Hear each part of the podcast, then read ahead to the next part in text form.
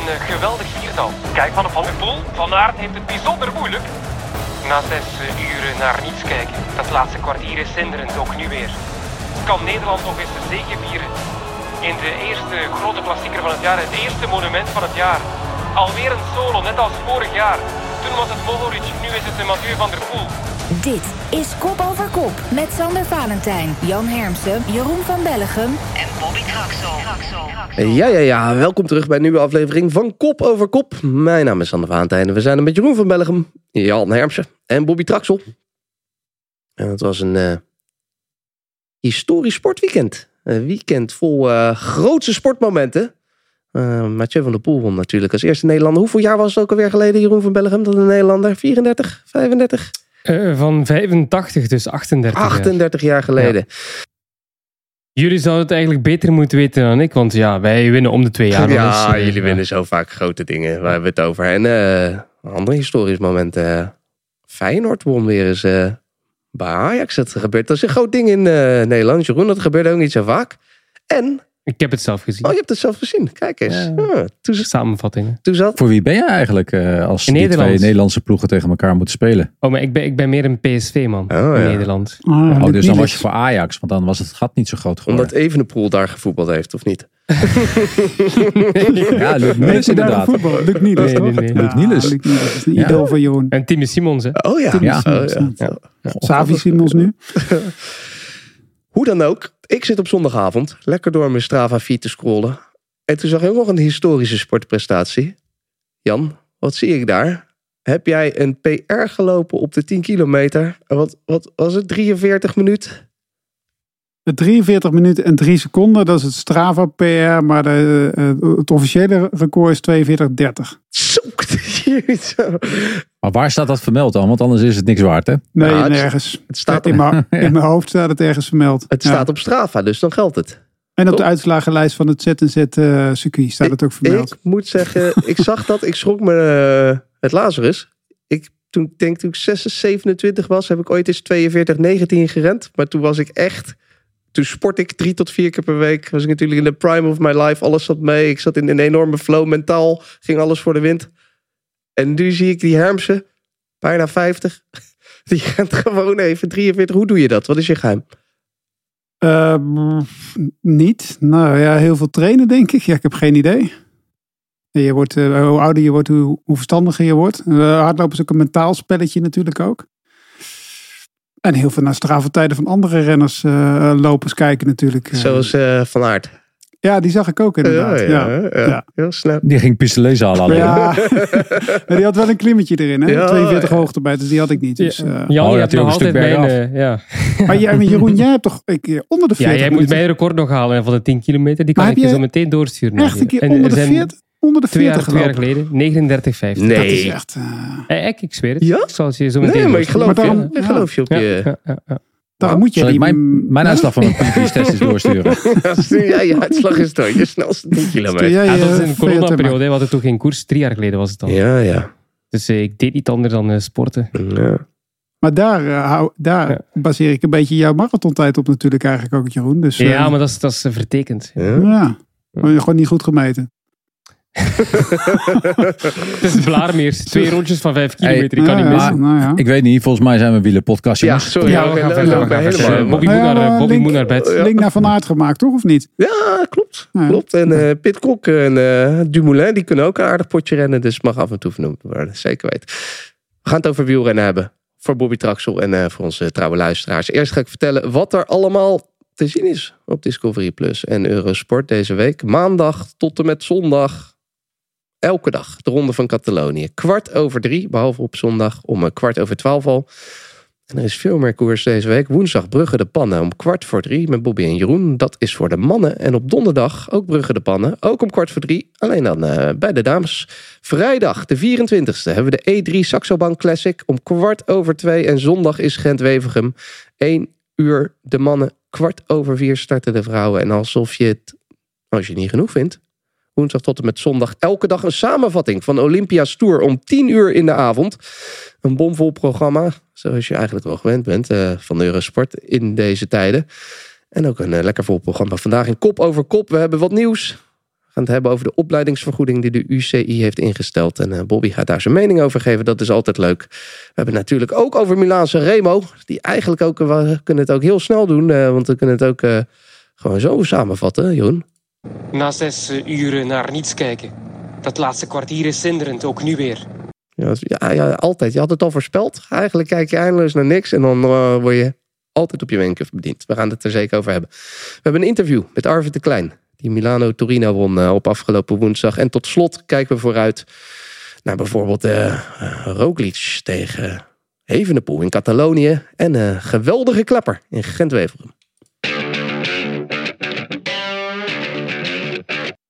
Laten we beginnen bij het nieuws van de UCI deze week. Twee nieuwtjes zelf. De eerste moesten we de World Tour teams moeten een opleidingsvergoeding gaan betalen. Jeroen, ik hoorde tijdens Milan Remo je er al het over hebben. Je hebt het helemaal uitgeplozen. Helemaal is veel gezegd. Ik heb de regels van de UCI gelezen. Dus eh, je, wat een eh, goede journalist moet doen, hè, Sander. kan je het mij kort en bondig uitleggen? Want ik ben ver... Ik zal, het, ik zal het proberen. Het is nu zo dat ploegen zomaar jonge renners kunnen wegplukken bij opleidingsploegen. Door met geld te zwaaien richting de coureur. Of zelfs gewoon minimaal zo, een minimumloon eh, aanbieden. En eh, zonder dat daarvoor de opleidingsploeg geld ontvangt. Af en toe is dat trouwens wel het geval. Want als ze nog onder contract zijn bijvoorbeeld, dan wordt er wel eens iets extra gegeven. Zoals het geval was toen Bernal bijvoorbeeld bij Androni reed. Toen reed hij ook bij een kleiner ploeg. Ging hij naar het grote Ineos. En daar hebben ze er natuurlijk ook wel iets voor gegeven aan Savio. Maar er is geen verplichting. En vanaf juni dit jaar moeten World Tour ploegen een vergoeding betalen van 2000 euro per jaar als ze een neoprof overhalen naar hun team. Dit aan alle wielerclubs of continentale ploegen die betrokken zijn bij de opleiding van renners vanaf het jaar dat ze 15 worden en dat gedurende maximaal 8 jaar. Het geld zal dan via de Nationale Federatie van de Renner naar de opleidingsploegen in kwestie gaan volgens dan de jaren die zij eigenlijk de renner in kwestie een opleiding hebben geboden. Dat is, nu wat, dat is eigenlijk eh, de regel die ze bij de UCI hebben ingevoerd. Een, een kleine nuance in dit verhaal. Hè. Je hebt twee verschillen. Ik hoorde daarnet eh, de betaling van Ineos naar, eh, naar Gianni Savio. Daar ligt een totaal ander verschil en is niet de vergelijking met deze regel. Want daar hebben we te maken met een arbeidsovereenkomst die afgekocht moest worden. En daardoor was er een, werd er een betaling gedaan. Dus dat is een, eigenlijk het, het verkopen van een voetballer zoals we dat kennen. Dat gebeurt in deze situatie. En inderdaad, deze regel is wel iets totaal anders dan, eh, wat Jeroen net beschreef. Is dit wel een eh, belangrijke regel, Bobby? Ehm, ja, zeker. Eh, er zijn natuurlijk, ehm, eh, er is natuurlijk heel veel hommeles omheen. Hè, een, een, ploeg die investeert. Hè. Patrick Lefevre is nog eens een keer met Klein Constantia gestopt. Omdat hij vond van ja, ik leid hier renners op. Ik betaal geld en uiteindelijk eh, gaan die renners weg. Nou, die 2000 euro gaat er echt niks aan doen. En sterker nog, hij krijgt niet dat hele bedrag. Omdat ze teruggaan tot het jaar dat je 15 werd. Het jaar dat je eigenlijk nieuweling werd. Dat je eh, de betaling krijgt. Dus ja, dat, dat is een schrijntje voor, eh, voor een ploeg als Patrick Lefevre heeft of gezet of Jumbo-Visma. Maar voor de clubs, als het zover, als je dan dus op tijd je contract tekent, die wat geld kan krijgen, kan dat wel veel zijn. Eh, Stel dat een renner dus in het jaar dat hij 15 wordt bij eh, de plaatselijke wielenvereniging bij ons hier in, eh, in, in, in, in Rukven rijdt. Willebord wil vooruit. Dan moet je Willebord misschien zetten, maar dat is gemeente Rukven. Ehm, en die renner wordt op zijn twintigste voor het eerst beroepsrenner. En dan is het zo dat ze vijf jaar terug gaan kijken. En heeft hij twee of drie of vier jaar bij de ploeg in, eh, in Willebord gereden. Dan krijgen die wel degelijk, nou zeg 1000 of 1200 euro. En dat is voor een clubje. Is het niet Waar- 2000 euro per jaar? Nee, volgens mij is het in totaal 2000 Ah, euro. En moet dat dacht- verdeeld worden. Ik dacht per jaar. Nee, volgens mij is het zo dat Oh, het, dan is het echt eh, heel weinig. dat, is, eh, dat, dat is niet veel geld. Dus, maar volgens mij is dat zo. Hè? Dus dat misschien, ja, zo heb ik het gelezen. Dus dat Oké. het 2000 euro verdeeld wordt. Ehm, ja, dat, eh, dat is inderdaad niet. eh, nou, voor, voor een klein clubje is dat dus wel veel geld. Hè? Want die hebben sponsors. Je kunt er waarschijnlijk hoofdsponsor worden van 5000 of 10.000 euro. Ik durf het eigenlijk niet zo te zeggen per eh, categorie, zeg maar, dat je sponsort. Dus voor hen is het wel veel geld. Aan de andere kant moet je afvragen wie betaalt er voor de opleiding van die renner als die nieuweling of junior is. En dat is de kritische noot. Want uiteindelijk weet ik dat mijn vader alles betaalde. En mijn vader betaalde, naast dat ik bij een club reed, omdat ik dan wat wedstrijden kon rijden, betaalde die een persoonlijke sponsor of een persoonlijke trainer om te zorgen. Dus daar vind ik wel, daar vind ik wel een hele lastige. Het, het zou dus kunnen dat er ploegen zijn. eh, Er zijn ook veel clubs die best wel veel investeren, die veel naar het buitenland gaan. Nieuwelingenleeftijd valt dat op zich nog mee. Junioren is dat veel meer. Maar ja, dat, eh, dat, dat, dat is een beetje een, eh, nou ja, een beetje wikken en wegen. Maar aan de andere kant kun je zeggen van ja, de investering van mijn vader of de ouders van renners. Ja, dat is iets wat je voor je kind doet. Of je die nou naar een eh, universiteit stuurt. Ehm, of je doet dat via het wielrennen. Ja, dat, dat is dan eh, even een discussie waard. Maar het is natuurlijk nog steeds peanuts. Hè? Want eh, ik woon in Leiden, iets verderop eh, ligt Katwijk. En daar staat een, een tribune van 375.000 euro. Die, die neer is gezet door de opleidingsvergoeding die de club Quick Boys heeft gekregen. Van de transfer van Feyenoord naar Liverpool van Dirk Kuyt. Dat is een, een bedrag 1 op, van 1 op de 40 ongeveer. Die, die hebben daar ook wel veel tijd in gestoken. Hij heeft tot zijn 17e in die jeugdopleiding gespeeld. Het is een andere sport natuurlijk. Maar als je het vergelijkt met 2000 euro, is dat natuurlijk echt gewoon. Het, het nadeel is natuurlijk wel, nu, nu je een geldbedrag gaat noemen, ehm, en eh, dat is natuurlijk mooi, zal er denk ik ook eh, straks ook wel een hele slimme zaak van nemen of een hele slimme advocaat te denken, ja, als, het, als ze 2000 euro kunnen gaan betalen, hè, dan kan er misschien ook wel wat meer te halen zijn. Want als één schip, eh, schaap over de dam is, dan, dan, dan wordt er misschien wel wat meer betaald. Ik ben ook benieuwd hoe je dat allemaal in, in goede banen gaat leiden, want uh, het, het, het, is natuurlijk al, dit, dit soort dingen zijn altijd mooi, maar of het helemaal juridisch allemaal uh, lekker dicht getimmerd is, ik vraag het me af. Het is in ieder geval een begin en een eerste stap in de goede richting. Maar toch even terugkomen, ja. want de, van de, de amount of training compensation fee is de cumulation of the flat rate payment of 2000 euro over the numbers of years of registration with the club or a UCI mm. Continental team. Oh ja, oké. Okay.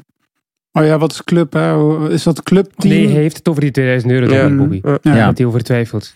Ja, is het, dan... het, is, het, is, het, is, het is een beetje geformuleerd zodat je kan twijfelen. Ja, nou ja. dus kijk, als het, als het dus is wat, je, wat, je, wat Jeroen zegt, hè, dus dat het 2000 euro per jaar is. Zo las ik het. Maar goed, ik ben ook geen uh, dan kan het dus, in die tekst. Maar dan kan het dus een nadeel zijn voor een renner van 23 jaar om, om beroepsrenner te worden. Want dat, dat kost het een, een ploeg 16.000 euro. Mm. Acht jaar. Ja, maar goed, voor een grote ploeg, Poppy, is dat niet veel geld. Hè? Nee, maar als jij 23 bent, ben je al geen grote coureur meer. Hè? Mm. Dan, ben je, dan ben je een kleinere coureur die minder grote wedstrijden gaat winnen. Die minder waard is. Die waarschijnlijk voor het minimumsalaris tekent van 35.000 euro. En dan is 16.000 euro ineens de helft van het salaris. En daar zie ik echt, daar zie ik dan wel een probleem in. Dus als het 2000 euro zou zijn over die periode verdeeld. Dan zie ik dat voor mindere renners een, een, veel grotere kans. Voor een jongen die uh, de Pogacar's van deze wereld en die mannen, die worden tegenwoordig... Het gaat ja, over een neoprof, hè? Ja, je moet je eerste contract tekenen. Bij je eerste ja. contract op pro-continentaal Hoe vaak World gebeurt Tour. dat op 23-jarige leeftijd dat een World Tour team een neoprof aantrekt? Tegenwoordig gebeurt dat toch niet zo vaak, dat hij al acht jaar opleiding heeft gehad. Maar gaat het alleen nee, World Tour? Of, nee, precies. of, maar dat, het gaat dat, over World Tour teams, die, hmm. die moeten die schom betalen. Ja. Zo nee, hebben ze pro, het letterlijk... pro ook volgens mij. Ja, Ja. Lijkt me ook toch? Volgens mij is letterlijk World Tour team. Oké, okay. Volgens... kijk. Maar, daar, daarom, ook, ja. nee, maar, okay. maar daarom, daarom is het probleem. Uh, uh, Goh, ik zou toch lekker. Ik zou uh, de jurist willen zijn nu hoor. Ik denk dat ik wel een beetje geld kan verdienen nu. Ik ja, zie het probleem heel is dus dat, dat, dat er oudere neo's geen beroepsrenner meer gaan worden in de World Tour. Mm. Iemand van 23 gaat niet meer de kans krijgen bij de World Tour. Als het 2000 per jaar is en je. Maar dat ja. moet eerlijk Ja. zijn. Weten, kunnen we niet helemaal vanuit de regels eh, lezen. Het is in ieder geval een, eh, een eerste stap en eh, iets anders. We gaan ook door met iets anders. Voordat we gaan nabeschouwen over Milaan Remo. Komt ook een Milaan Remo voor vrouwen. In 2024 gaat de RCS, de organisator van eh, nou, onder andere Milaan Remo, Tirreno de Giro, een eh, editie voor de vrouwen in het leven roepen. Van Vleuten, die wil meteen 200 kilometer of meer, omdat dat goed zou zijn voor het eh, wielrennen. Zij gaat het zelf eh, natuurlijk hem niet meer rijden, Bobby. Maar waarom is het goed voor het vrouwenwielrennen? Als er zo'n echt zo'n lekkere lange Maar waarom, waarom denk jij dat Van Vleuten niet gaat rijden? Dit is toch de kans om Van Vleuten nog een winter Ja, ja, in het zadel te houden om Milaan San Remo te winnen als het 200 kilometer is en de finale die ze daar hebben. Het is een, Toch? een lokkertje om haar nog een jaartje door te laten gaan. Nou, ik zie hier, uh, Vervleuten vraagt het. RCS levert. Nog een winter door naar uh, Colombia. En alles op het winnen van Milan Sanremo. Mooi. Ik heb het haakje eindelijk gevonden. Er wordt, komt geen afscheid hoor. dit jaar van Annemiek Vervleuten. Je hoorde dit hier eerst. Op, bij Kop over Kop. Zou het goed zijn, Bobby? Voor het vrouwenwielrennen? Ja, zeker. Kijk, uh, wat je ziet is dat RCS in het algemeen gewoon ook een hele brede vrouwenkalender aan het maken. Hè. Vanaf 2024 zijn ze ook owner van de, van de Giro voor vrouwen, zeg maar. Giro Donne is dat, hè, Jeroen. Um, dus dat is, dat, die overname is, is gewoon goed. Um, daar zijn ze gewoon heel sterk bezig met hun propositie. En het is heel belangrijk. En het is in de gelijkheid is het een heel ja, duidelijk verhaal dat dit soort wedstrijden ook een vrouweneditie moeten hebben. Dat dus volgend jaar voor de vrouwen. Wij gaan het nu hebben over uh, Milan van dit jaar bij de mannen. Ik zei het net al in de intro, de langste zit van het jaar bracht eigenlijk precies weer wat we ervan verwachten. Eindeloos wachten, prachtige plaatjes, sterke verhalen van Jeroen en zijn uh, co-commentatoren. Een apotheose om je vingers bij af te likken. En kopgroep was er natuurlijk ook. Negen man met onder andere de Nederlander Jan Maas, en de Ethiopiër Negassi Hailu Abrea.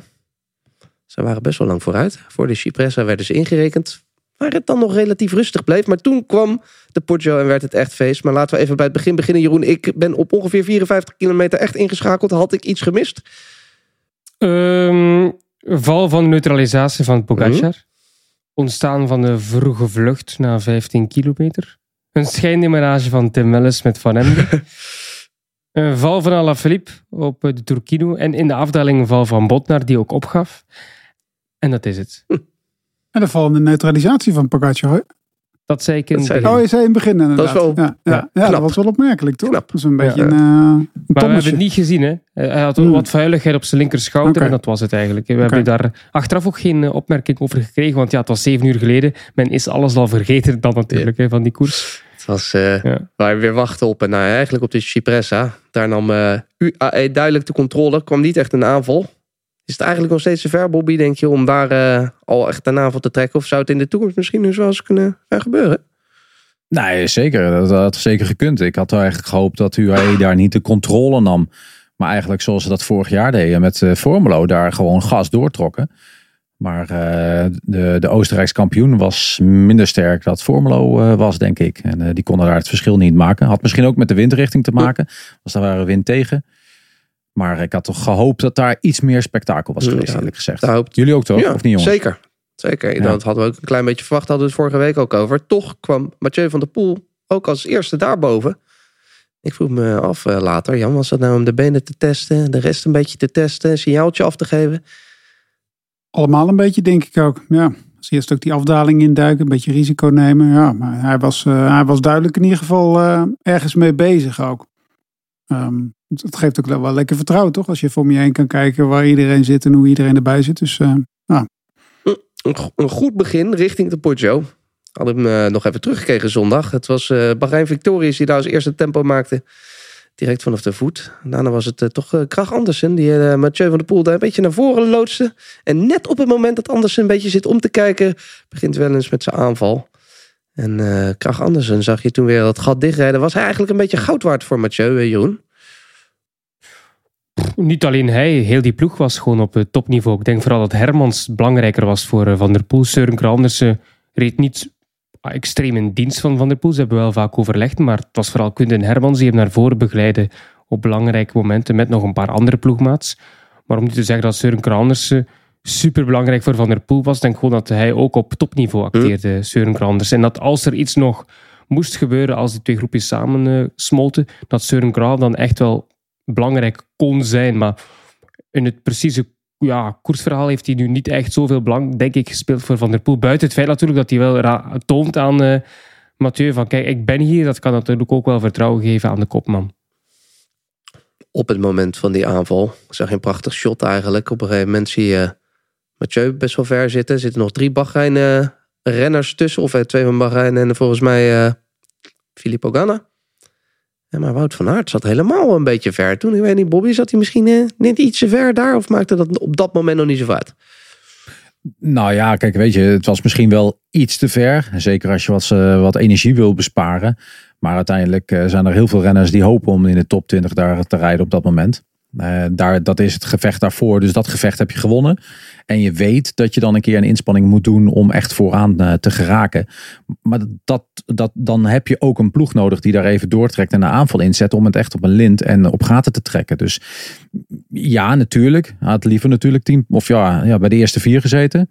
Maar op dat moment was het nog niet zo'n heel groot probleem. hij zat wel een beetje alleen ook, hè? De rest had allemaal nog wat één of twee teamgenoten bij ze. Ja, dat gaven ze achteraf natuurlijk bij Jumbo-Visma ook aan. Hè, dat Tratnik daar eh, de ontbrekende schakel eh, zou zijn geweest. Beetje, Maar dat zullen we natuurlijk niet weten. een beetje pech dus. Nou, met die valpartij. In ieder geval, ze schoven het allemaal weer wat in elkaar. Nog anderhalf kilometer te gaan. En toen liet dit trend in een prachtig gat vallen. Echt een, dat gat, Jeroen. Dat heeft toch veel renners de das omgedaan, hè? Ja, ik heb alleen nog niet Trentin aan het woord gehoord. Wat ik op zich wel jammer vind, Hm. want iedereen gaat ervan uit, hij heeft het gat laten vallen. Maar ik, ja, het kan ook natuurlijk zijn dat hij niet meer mee kon gaan. Hè. Ik bedoel, Trentin is een goede renner. Maar als je kijkt naar de namen die eh, voor hem reden, dat waren wel renners van, de, van een iets hoger niveau de afgelopen jaren, zeker in dit werk. Dus heeft hij het gat per se laten vallen. Ik denk dat hij op een gegeven moment misschien ook wel het tempo te hoog vond. En dat hij dan ook dacht van, ik ga hier nu niet alles uit de kast halen om daar terug naartoe te rijden. Het is een andere. En die ander die zaten in zijn wiel. Er was niemand die meteen reageerde. Als je echt kon, kon je meteen de sprong maken. Maar ze keken vooral van, "Pff, ik niet, want ik kan het niet meer doen. Dus ja, voor het koersverloop had het eigenlijk Mm. geen, geen eh, ja, niet, niets uitgemaakt. Absoluut. was niet. gewoon de beste zaten vooraan. Het was gewoon een excuus van die gasten die erachter zaten. Anders dan rij je eroverheen. Je weet dat het gebeurt. Dan moet je niet meer twijfelen. En, en inderdaad, 100% eens. Het werd ineens een heel bolletje. Toen hij van kop af ging, werd het ineens een heel bolletje daar. Toch was de rest een beetje geslagen. Er was een gat. En toen, terwijl we eigenlijk naar het gat keken, gebeurde er dit. Dat zijn de drie eerste achtervolgers. Ik denk dat het tussen die vier zou gaan, Jeroen. Ja, ja, ja. Een eh, geweldig viertal. Kijk, Van der Van Poel. der Poel? Ja, Van der Poel zeg. Gaat hij solo proberen te demareren. Ja, ja, ja, ja. Van Aert heeft het bijzonder moeilijk. En is hij dan weg? Van der Poel Mathieu die duikt van der eerste de afdaling in. Indrukwekkende demarage. Hij was eh, niet perfect in beeld gebracht, eh Bobby, maar wel perfect getimed en uitgevoerd. Ja, absoluut. Hij zat eh vierde positie. eh, energie genoeg om er overheen te, te, te knallen. Ja, het is daar geasfalteerd. Maar anders zou je zeggen dat hij de straatstenen eruit ramde er daar. Ehm, ja, perfect. Perfect getimed. Perfect uitgevoerd. Gewoon eh, fenomenaal. Ook, Fenomenale aanval. En ook wel weer behoorlijk slecht in beeld gebracht, toch? Want op het moment dat Jeroen het zegt, zeg maar, dat die mannen het gat te groot is. Ik heb even zitten tellen, het twintig keer terug, teruggespoeld ook nog een keer. Ehm, zie je die jongens in de achtergrond zie je rijden. Dan zie je op dat moment het, het shot daarvoor zit Van de Poel nog in vierde positie. En het volgende shot demareert hij aan de voorkant. Ja, ik, ik had natuurlijk, ik, ik, ik weet nog steeds niet wat daar, wat daar in die elf seconden in die kopgroep is gebeurd. Want ik vroeg het aan jou vanmiddag ook nog even, Bobby. Heeft hij nou echt van kop af aan gedemareerd? Dat lijkt het namelijk wel op. Maar we, kunnen, Ja, we maar- weten het niet ook. Maar weet je, kijk, weet je. eh, Ja, het, is wij- wel, het is een mooie aanval hoor, natuurlijk. Nee, maar- maar, Nee, maar daar gaat het, daar Je- gaat het niet om. alles Ik wil, ik wil, ja, nee, dat, dat, en, en dat nou juist, dat is de discussie elk jaar. Flikker op met die motors, ga weg, eh, ze rijden veel te dichtbij. RCF heeft nu een, wel meer beslissingen gemaakt door iets meer afstand te houden. Maar door dat draaien en keren krijg je dat gewoon minder goed in beeld. En hebben we het heel veel moeten doen met een helikoptershot, omdat dat de enige veilige manier was volgens ja, mij. maar ja, de helikoptershot kan gewoon bij die vier koplopers blijven, toch? Ik bedoel, Ja, maar je schakelt wel een keer als... Ja, eh, was bij mij alleen ja, het is wel ja. balen dat je die Ja. mist. Ja, nee, tuurlijk. Ja, eens. Ineens was die weg. ja. En, eh, ja, nou ja, goed, het- je kan het niet meer vragen. Het leek net Amsterdam Gold Race dat hij ineens terug was. Opeens was hij daar. Ja. Ja, ja het is heel gek Had je een beetje. Ja. hetzelfde gevoel, Jeroen? Want de, de Amstel Gold Race deed jij ook, volgens mij, met Karsten. Toen eh Mathieu won. Want het is een beetje, het is, want het wordt een beetje met elkaar vergeleken. Welke, hè? Ja, maar heb ik geen seconde aan Oh, gedacht eigenlijk. Ja, nee, die terugkeer van Van der Poel daar, dat, dat gaan we denk ik in de komende 30 jaar misschien nooit meer meemaken. Dit is gewoon een aanval omdat hij de beste is. Ja, Ja. Kan je niet vergelijken met dat moment. Minder episch. Dat sowieso, ja. Ja. Ja, op, geen enkele, op geen enkele manier vergelijkbaar, vind ik. Buiten het feit dat hij wint. Hij gedook als eerste de afdaling in. Toen had hij eh, drie seconden ongeveer. Aan het einde 15 seconden heeft hij... eh, hij zei tegen Sander Kluikers dat hij niet eens heel veel risico had genomen in de afdaling. Maar toch eh, is dan een beetje dat het voordeel. Dat je alleen die afdaling in vliegt. Ja, hij heeft eh, in die afdeling niets gewonnen. Hè? Hm. Van Aert kwam zelf denk ik nog een halve seconde dichter. Maar dat was dan bewust in zijn ogen om dan toch eh, ja, die paar seconden die hij daar dan verliest, dan terug goed te maken op het vlakke. En dat heeft hij ook gedaan. Dus hij was vooral indrukwekkend na die afdaling. In de afdaling zelf zei Karsten ook dat hij duidelijk niet voluit ging, maar dat hij nadien gewoon eh, fenomenaal was. Dat mocht niet hè, van zijn moeder. Hm, echt waar? Ja, Oh. ja, hij mocht eh, niet zoals eh, eh, de, zijn moeder die reageerde op het filmpje van eh ehm, eh, Pitcock inderdaad. En daarin tagde hij zijn eh de zoon. En die zei, eh, Mathieu, dit absoluut nooit gaan doen. Dus eh, hij, houdt zich, hij luistert, hij, luistert, naar- hij eh, luistert wel naar zijn moeder. hij luistert goed. naar- hij luistert wel naar Eh, zijn heel moeder, goed, inderdaad. heel goed. Uiteindelijk eh, kwam hij aan en eh, ging hij eh, solo over de finish. Een fenomeen is hij, Mathieu van der Poel. Impressionant, hè. Op weg om de vierde Nederlander te worden die deze klassieker op zijn naam heeft geschreven. Na Arie den Hartog, Jan Raas en Henny Kuiper is er nu Mathieu van der Poel. 38 jaar na datum kan Nederland nog eens de zege vieren in de eerste grote klassieker van het jaar. Het eerste monument van het jaar. Alweer een solo, net als vorig jaar. Toen was het Mohoric, nu is het Mathieu van der Poel. Wauw, wauw, wauw. Mathieu van der Poel wint zijn derde monument. Na twee keer de Ronde van Vlaanderen wint hij solo Milan Sanremo. Incredibile, Mathieu van der Poel. Een prachtige overwinning, superlatieve tekort. En toen moest ik toch even terugdenken aan onze vorige aflevering van vorige week. Toen hadden we het over de Tirreno. En toen hadden we dat... Tuurlijk had het over die Tirreno. Uiteraard. Dat is de koers waar het om eh, draait. Hey moet je dat nu alvast even meepikken meepikken? Ja, nee, dat is gewoon, eh, Jan, Jan die is eh, wij, wijselijk stil. ja, ja, eh, het is uitgespeeld. Ja. Het podium, eh, Jan, eh, welke koers reden ze? Ja, eh, nee, ja, kijk, je hebt natuurlijk Parijs-Nice, daar moet je op je toppen van je kunnen zijn. En je hebt een rondje in Italië, waar je gewoon Dan kun je op op het je eh, gemakje een dagje Ja, laten ja, lopen ja, en zo. ja, ja, ja. Hier werd gewoon dus heel duidelijk dat het gewoon een voorbereidingswedstrijd is. Ja. En niet 1, echt op 2 en de... 3. Ja. Zo, 1, 2 en We 3. hebben nog één voorbereidingskoers in, in wielerland.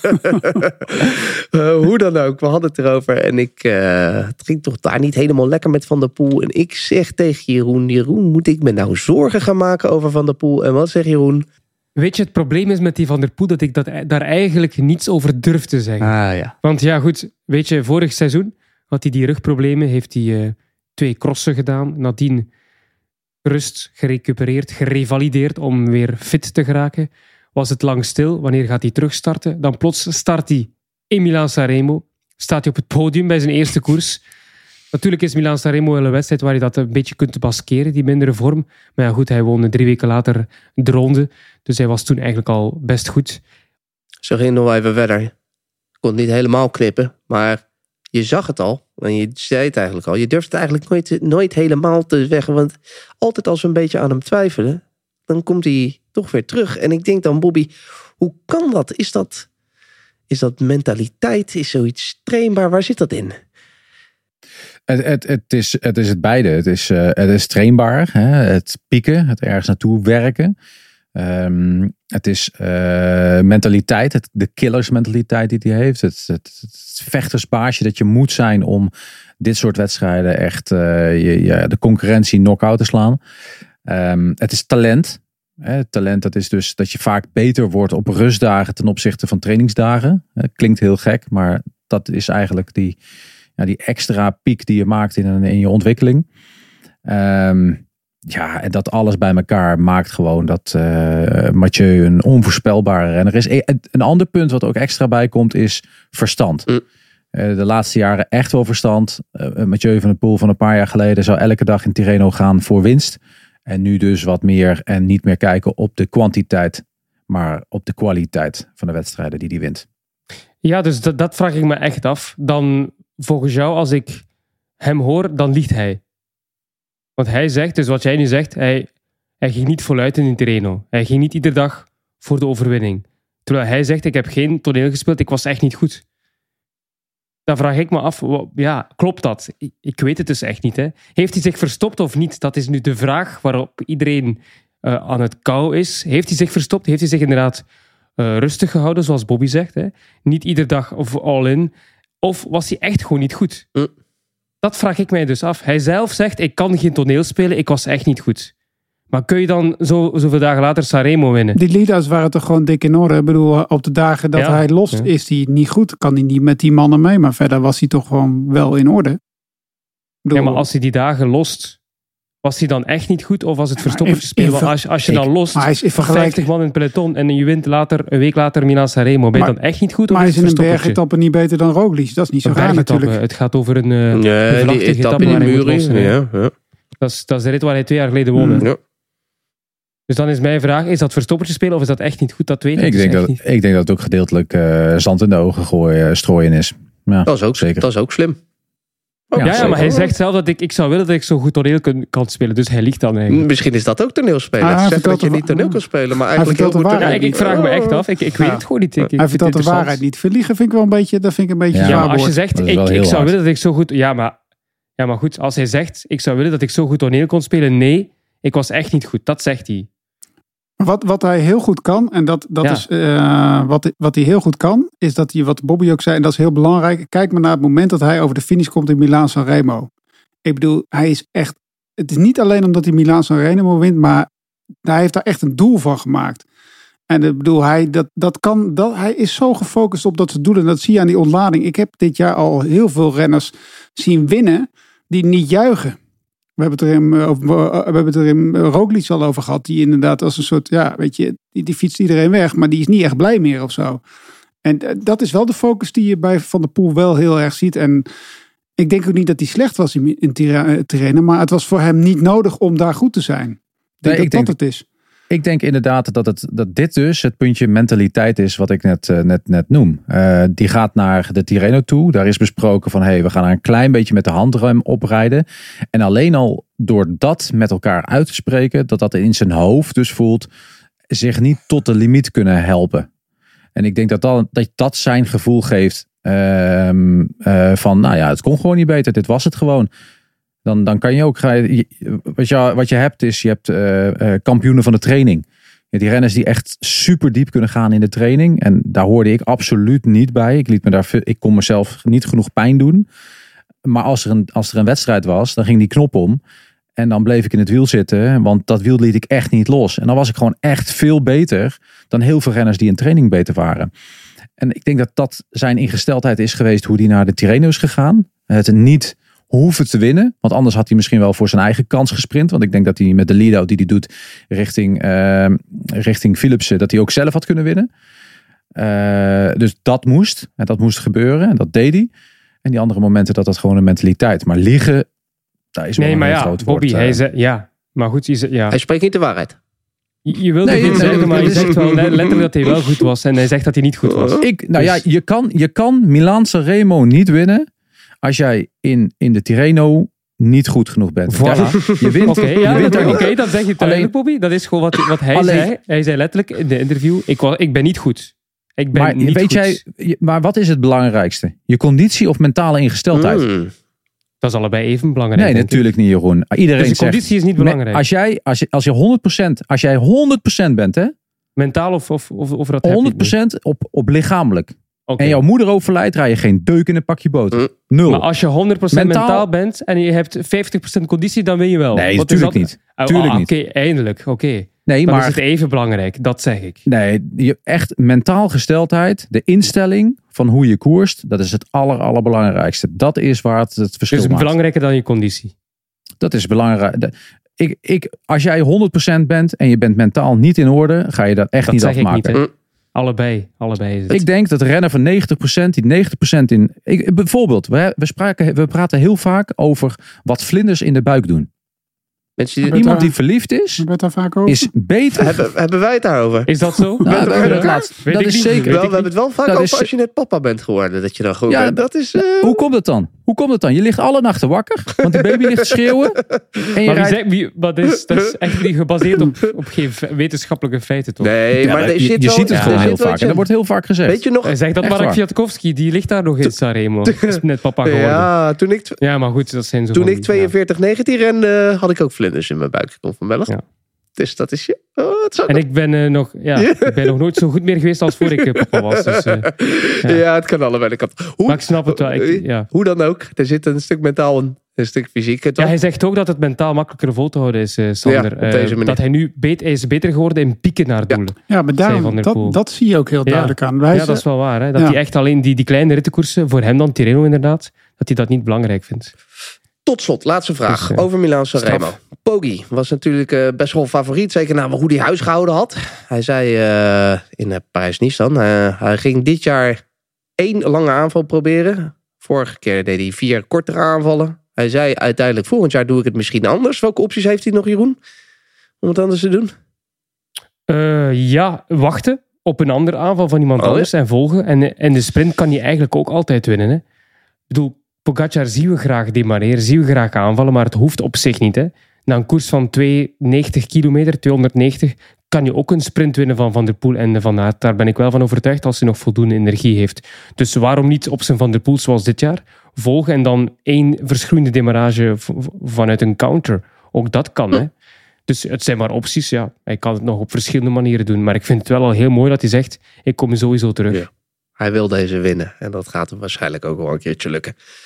Andere uitslagen. Tot slot even kort een snel rondje. Jeroen uh, Brede en de Kokzijde. Daar won Gerbert Thijssen. We hadden het al eerder over, over sprinttreinen. Jan Hermsen zegt, de sprinttrein is dood. Heb jij een sprinttrein gezien? Ik heb wel een sprinttrein gezien. En het was een sprinttrein, weliswaar niet uit de traditionele ehm, rij van vroeger, waar je acht man op een rijtje zag. Ook omdat ze allemaal wat minder renners starten dan vroeger. Maar Molano bijvoorbeeld, die was echt perfect als lead-out voor Akkerman. Iedere sprinter die ja, de laatste tijd een niveau haalt, die wint die sprint. Maar Akkerman, ja, dat is geen topsprinter meer. Dat hebben we al een eh, ja, aantal jaar nu gezien. En ja, hij reed achteruit bijna. Oké, achteruit is een beetje oneerbiedig gezegd. Maar hij was echt niet snel genoeg en hij gaf het ook ruiterlijk toe. En als je topsprinter bent, bedoel, als je Cavendish, Merlier en Philips interviewt na een nederlaag, die gaan niet zeggen, de volgende keer doe ik de lead-out voor de ander. En het eerste wat hij zei, Akkerman, next time I'll do the lead-out voor Molano. Hm. Dan, ben je, ja, dan ben je eigenlijk al topsprinter af. hij al een paar keer Als je gedaan dat ook, hè? zegt, Ja.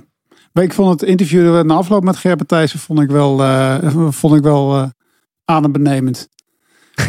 Waar- ja, Waarom? hij heeft zich net geëxcuseerd trouwens, Oh, Oké, ik vond het voor dat een- interview. Ja, Ja. ik vond het een beetje ongemakkelijk eigenlijk ook. Want uh, kennelijk heeft, hebben er heel veel mensen iets daarna over hem gezegd. Maar ik bedoel, ja, eh, hij won toch Hij ook. bedoelt na de sprint van de Monster. Ja, de Montserrat, Ja. waar, waar, waar uiteindelijk die fotofinish is. En kennelijk vonden mensen dus hem niet de terechte winnaar of zo. Ik heb Dat heeft niemand gezegd. Nee, Ja, nee, ja, ik zit ook. Ik, heb, nou, ik ga niet alle social media daarnaast spijten. Maar ik bedoel, ik, ik snap überhaupt soms niet hoe, dat, hoe, hoe die gedachte bij mensen binnenkomt. Maar, maar kennelijk vond hij het eh, nodig om het toen te zeggen. Maar nu weer de keutel een beetje in te trekken. Maar Er waren gewoon mensen die inderdaad in twijfel trokken of hij had gewonnen. Wat ook terecht. Ja, logisch toch? Ja, ja, dat was ook geen ja. bewijs. Ja, Ja, ja. dus, Niemand zei, Thijssen kan niet sprinten of zo. Nee, nee, nee. Maar ja. Dus, Dat is eh, duidelijk. Hij heeft zich wel geëxcuseerd En ik dat vind het overdreven was. En ik bedoel, deze jongen eh, verdient het aan alle kanten. Hè? Ik bedoel, eh, anderhalf jaar geleden lag hij echt volledig in de kreukels. En hij is gewoon echt een goede sprinter. Ik bedoel, daar kan je als, België gewoon heel blij mee zijn. Op zondag was het Cholet. Cholet. Een prachtige editie. Een spit won daar. Lekker aanvallende koers was het. Shinrin van Anrooy won de trofeo. Alfredo Binda. Toch wel redelijk verrassend. Lotte Kopecky won nokere koersen bij de vrouwen. Dat was bijzonder knap, gezien de omstandigheden. Tim Milier won hem bij de mannen. En de GP de Ne was, zoals Jeroen net al zei, voor Molano. En op woensdag hadden we Milano-Torino. En daar gaan we het nu over hebben. Ja, zoals ik al zei, op woensdag was het Milaan-Torino. Gewonnen door niemand minder dan Arvid de Klein. En die hebben wij aan de lijn vandaag. Arvid, wat leuk dat je er bent. Dank u wel. Hè, hoe vaak heb je dit al teruggehoord en of teruggekeken? Eh, ja, wel een aantal keer. Ook met, eh, met mijn ploeggenoten natuurlijk. Eh, terugkijken hoe, hoe, we het hebben, hoe we het hebben geflikt. Dus ja, ik heb het al wel een paar keer teruggezien. En, en wat was dan de conclusie? Hoe jullie het hebben geflikt? Eh, ik denk dat wij eh, op het perfecte moment eh, op, een bocht, op de bocht van 900 meter voor het einde komen. En ik denk dat we in een super goede positie zitten met z'n met tweeën. We worden goed afgezet door, door Rick Pluimers. En, en Michael Zeilaert, die, die trekt op het juiste moment door. waardoor ik in, in een positie kom waarin ik mijn eigen sprint kan gaan rijden. Een, een eh, eh, behoorlijke, hoe zeg, een drukke sprint, dat was het wel. Uh, ja, het was, ja, het was redelijk hectisch. Uh, de laatste kilometer natuurlijk met die, twee met die twee bochten en nog een chicane erin. Uh, dus was, dat was redelijk hectisch. Maar ja, dat, dat weet iedereen. Dus iedereen wil daar van voren zitten. En ehm, ja, wij hebben ervoor gezorgd dat, dat, dat we er zaten. Ja, en het was niet, laten we zeggen, het was niet de toeval. Want het ging al behoorlijk lekker dit jaar volgens mij. In de UAE Tour een vierde en een vijfde plaats. Een keertje achter uh, Melier, Bennett, Groenewegen. Had je toen al een beetje het idee tijdens die UAE Tour dat er uh, wel iets in zou kunnen zitten de komende tijd? Ja, ja we hebben deze winter uh, hier veel aan gewerkt. Dus veel bezig geweest met lead-outs en, en, en, en veel erover gesproken. We hebben ook Marcel Sieberg binnen ons team die, die de sprintgroep, sprintgroep begeleidt. En ehm, ja, dat is een hele goede toevoeging. Uh, hij weet natuurlijk erg veel, want hij heeft natuurlijk uh, voor Mark Cavendish en, en, en veel de sprintvoorbereidingen gedaan. Dus hij heeft veel know-how. En ja, in de UAE Tour ging het eigenlijk al meteen wel goed. De eerste sprint die we reden, werd ik vierde. Werd ik ook meteen, hadden we echt wel een, een lead-out en werd ik goed afgezet. Ehm, en was ook denk ik ook best wel dichtbij. Uh, die vijfde plaats uh, verloor ik wel mijn lead-out, maar wist ik zelf nog uh, overal tussendoor te, te fietsen. Um, maar we hadden zeker wel het idee dat er iets, iets moois zou kunnen, kunnen komen de komende weken, maanden. Maar het is altijd afwachten hoe lang dat nog gaat duren. Een mooie sprint was het zeker. Jan, jij vroeg je wel af hè, hoe dat zat met die lead-out. Dat, dat, vroeg me vorige week eigenlijk al af. Nou, niet persoonlijk bij jou, Arvid, maar sowieso überhaupt. We hebben, ik heb best wel veel sprints gezien. Vorige week kwam het in één keer te sprake. Lead-out, jij hebt het erover. Maar volgens mij ben je een van de weinige ploegen die echt een goede lead-out heeft. Want lead-out, dat is tegenwoordig, lijkt wel een soort... Het lijkt heel lastig te zijn ook. Uh, jij, kan ik me ook wat vorige jaren herinneren, vindt altijd wel je plek in het peloton. Maar nu rij je met een lead-out. Is dat voor jou anders in één keer? Ja, ja, het is nu... Eh, eh, voor mij is het gevoel alsof ik... de voorgaande jaren al drie keer mijn sprint had gereden voordat ik eraan begon. Uh, en nu merk ik dat ik, uh, ja, dat ik gewoon wat frisser in die finale kom. Wat frisser aan mijn sprint begin. En uh, ja, dat, dat is wel te danken aan... De, kijk, een echte lead-out is, is altijd lastig. Want ja, er zijn enorm veel teams die een echte lead-out willen of zouden willen hebben. Dus het, het is ook vaak een kwestie van uh, de sprinten afzetten bij de eerste tien uh, in de laatste kilometer bijvoorbeeld. Dat noem ik al, een, soort van lead-out. En nu had ik wel een echte lead-out. Maar uh, ja, dat is ook een soort van lead-out vind ik zelf. in ieder geval dat je voor de sprint niet al drie keer zelf door de wind hebt hoeven rijden. Om, om, voordat je aan die sprint begint. Is dat jouw grote verandering ten opzichte van jouw ervaring bij Babydump, Maytech, maar zeker ook de laatste jaren bij, uh, bij Rally? En uh, ja, is dat het grootste verschil eigenlijk nu naar deze Zwitserse ploeg? Uh, zeker als je de afgelopen drie jaar bekijkt, zeker. Want toen zat ik natuurlijk ook al bij, bij Rival, Rally, Human Powered Health. Um, en dat zijn de Pro-Conti ploegen. En daar hebben we wel wat geprobeerd met leaders, maar was het altijd wel lastig. Um, kijk, bij, bij Metec, uh, Babydump en dat soort ploegen, ja, dat is op continentaal niveau, is het altijd lastig om een, om een, om een, uh, om een lead-out op gang te krijgen, omdat ja, het niveau is, is anders, de belangen zijn anders. en hier hadden ze echt een, hebben we echt een, een project, een sprintproject, met mij als sprinter. En ja, dat, dat is wel op dit moment maakt dat het verschil. En ehm, en, en, en zo ja, is het gewoon dat die jongens allemaal om me heen proberen mij zo fris mogelijk in die finale te krijgen. En dat is voor mij op dit moment het verschil. Is het ook voor jou anders geworden? Als wij als voorbereider op een koers zetten wat het, uh, het groene aantekening, dat zijn de sprinters inderdaad. En dan zit je altijd, als jij rijdt, dan streep ik hem voorzichtig. Vorig jaar streepte ik hem altijd aan. Maar nu weet ik, ben jij bijna de eerste zeg maar na Milaan te. Maar gaat dat bij ploegen ook zo werken? Had je daar bijvoorbeeld zondag ook al een beetje, nou ja, last is een groot woord, maar dat er toch wel anders naar je gekeken wordt nu? Uh, ja, zondag reken Cholet en uh, ja, daar, de, daar, werd er wel echt naar mij gekeken, of naar onze ploeg gekeken, ook met het... Uh, met, het achter, met de achtervolging met de kopgroep. Uh, we, namen het ook, we namen het ook in handen hoor. Uh, samen met Arkea. Uh, maar er wordt, er, er, wordt wel meteen naar ons gekeken. En ehm, ja, ja, dat zal misschien een verandering zijn voor de, voor de komende tijd. En eh, ja, dat, dat is als je, als je gaat winnen, dan, eh, dan komt dat erbij. Maar dat is alleen maar positief. Ja, je zei Cholet, had je, had je misschien zaterdag ook graag, want je ploeg reed wel Milaan Sanremo. Dus had je die ook misschien wel graag willen rijden? Ehm, ja, dat is me wel meerdere keren gevraagd al. Eh, ik, eh, als ik heel eerlijk ben, heb ik daar op dit moment eh, niks te zoeken voor de overwinning. Ehm, ook als ik zie hoe de koers verloopt, eh, zeker niet. Ehm, maar wie weet in de toekomst. Maar voor nu niet.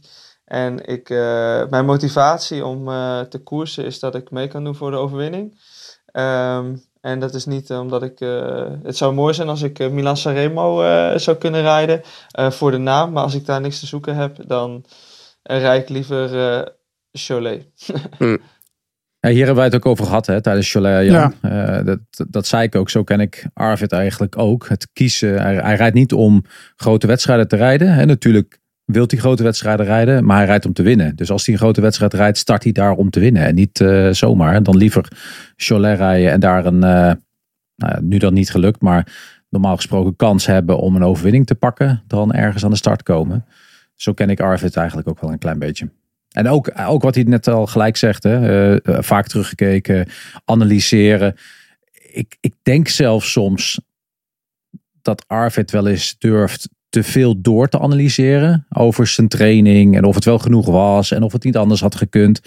Uh, persoonlijk denk ik ook een klein beetje dat hij daar wat meer tijd voor nodig heeft gehad om op dit moment te komen. Of kijk jij daar anders naar, Arvid? Um, nou, je hebt zeker gelijk uh, dat ik misschien wat overanalyseer soms. Uh, maar ja. Perfectionistisch? ja, dat, dat is zeker iets wat ik, uh, wat ik, wat ik in me heb. Um, uh, maar ja, ik ben ook een beetje obsessief natuurlijk uh, bezig met, met wielrennen, zoals, zoals eigenlijk iedere wielrenner uh, op, op dit niveau. En ik probeer alle, alle kleine dingen aan te grijpen om, om nog maar weer een klein stapje te zetten. Dus, dus ja, ik, ik, ja, ja, ja dat, dat zit er nou eenmaal in. Um, maar ja, nu heb ik ook mensen om me heen die met mij analyseren, die er heel veel verstand van hebben. En uh, dat ik niet alleen dat ik niet zelf uh, alles, alles zelf hoef te doen. Ik heb trainers om me heen uh, die precies weten wat ze aan het doen zijn. En dat geeft mij op dit moment heel veel rust. Hm. Het is natuurlijk wel zo dat, dat sprinters vaak al op jonge leeftijd heel goed zijn. Omdat dat je als sprinter ook een beetje risico moet, moet durven nemen. Hoe ouder je wordt, hoe, hoe lastiger die risico's worden. Terwijl jij, je bent ja, 28 je, bent, je komt nu in de, in de fase van je carrière dat je denkt van oh, misschien toch niet in dat gaatje duiken. Maar nu ja, scoor je wel in één keer op, op, nou op, op voor een sprinter toch al nou, redelijke leeftijd, met alle respect. Ja, nou moet ik zeggen dat ik uh, nog niet het gevoel heb dat ik, een, een dat ik veel in de remmen knijp. Uh, hm. Ik duik nog in alle gaatjes. Uh, dus het is ook zo dat wij in het team, we hebben een heel jong team. Uh, ik ben uh, meestal bij de sprintgroep uh, de oudste. Ehm, maar ja, ik moet zeggen dat, dat dat niet opvalt. Ik ben nog steeds maar, jong van geest. Dus, mm, ja. Maar mogen we daarop ook zeggen, hè? je bent 28, maar vooral door je knieproblemen naar een hele mooie tijd bij Babydump, de overstap gemaakt naar Metec. Daar veel last gehad van knieproblemen. Kunnen we ook een beetje stellen dat we die jaren er eigenlijk, die marge, die is er nog. Dus uiteindelijk Misschien ben je nog je als een coureur van 26. Ja. Ja, nou, ik heb ook het idee dat ik elk jaar nog steeds stappen aan het zetten ben. En uh, ik ben nou eenmaal, uh, uh, zoals jij ook weet, Bobby, een laadbloeier. En ehm, ik, ik, denk, ik denk dat ik zeker nog, eh, nog veel jaren mee kan. En waar, waar droom je dan nog van? Eh, dromen, dromen van eh, grote ronde rijden. Etappes daar proberen, proberen goed te eindigen. Is dat wel iets wat je zo. Want Bobby zei net, je wil eigenlijk alleen rijden om te winnen. Maar zou je een ronde rijden om hem te mogen rijden? Nee. Hm. Nee. nee, dan rijd ik ook een ronde om, uh, om, om proberen een etappe te winnen. En dan moet dat ook realistisch uh, zijn. Ik vroeg En, me eh, wat, wat ik ook maar afvroeg, want we zaten net naar het prachtige commentaar van Jeroen te luisteren. Eh, je was in Italië, heb je het ook met Italiaans commentaar gehoord bijvoorbeeld? En wisten die überhaupt wie Arvid de Klein was eigenlijk? ik, heb het, ik heb het niet gehoord. Ehm. Maar ik heb wel natuurlijk in... eh, eh, ik had nog een persconferentie daarna. met, met veel Italianen. En die...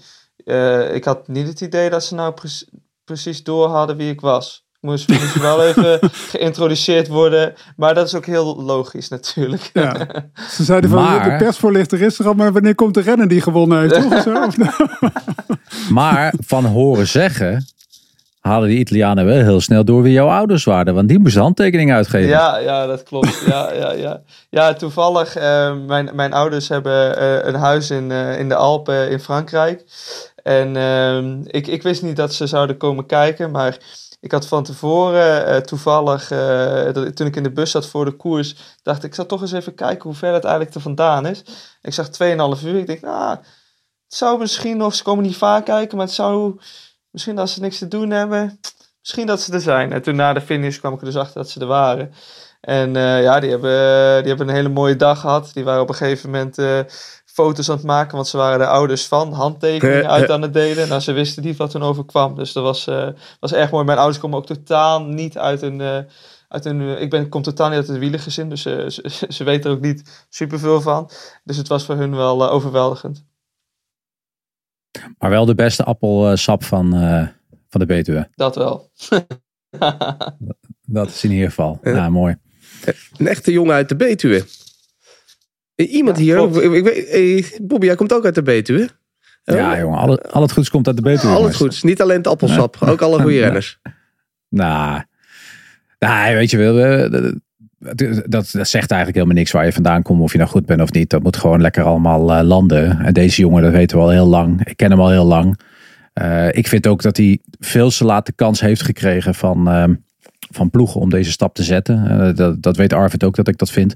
Want ik vind dat hij gewoon na die overwinning in Puttenkapelle gewoon de kans had moeten krijgen bij eh, Nederlandse Loterij Rompot. Of Rompot Nederlandse Loterij. Eh, en daar hebben ze dat blijkbaar toen niet aangedurfd. Achteraf gezien misschien goed, want hij kreeg last van zijn knie. eh, waar hij heeft mee lopen sukkelen een tijdje. Door, naar mijn mening, de wil om echt sneller die stap te zetten dan dat zijn lichaam het op dat moment aankon. Maar ehm, ja, eh, deze jongen, dat, dat weten we al lang. eh, daar zit echt wel wat in. En eh, ik denk ook dat dat echt nog wel met de golfbeweging gaat.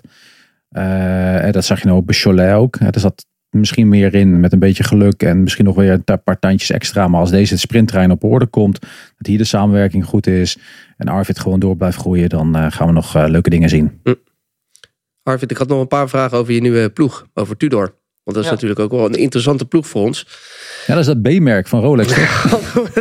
toch? Ja, Ja, dat zijn die goed- goedkope horloges. Zijn dat. Ja. Hebben, hebben jullie er eentje gekregen? Of eh krijg je Elke overwinning krijgen er een, man. Ah, Kijk eens, daar zit er eentje. Ja, Hij heeft er nou ook in om die, om die andere pols. Ja, laat ja. nou zijn pols Ja, die, de, die, de die, hou, die hou ik naar beneden. Ja, verstandig, ja. Nee, maar ik heb wel gehoord dat als jullie winnen, krijgen jullie eh, weer een horloge. Of is dat niet helemaal zo? Ehm, nee, nee. nee. nee. Nee, was maar zo'n feest. Nou, of, of ze moeten mij nog verbazen. Ik moet toevallig eh, eh, volgende week eh, maandag moet ik naar Genève toe. naar, naar Tudor voor een event.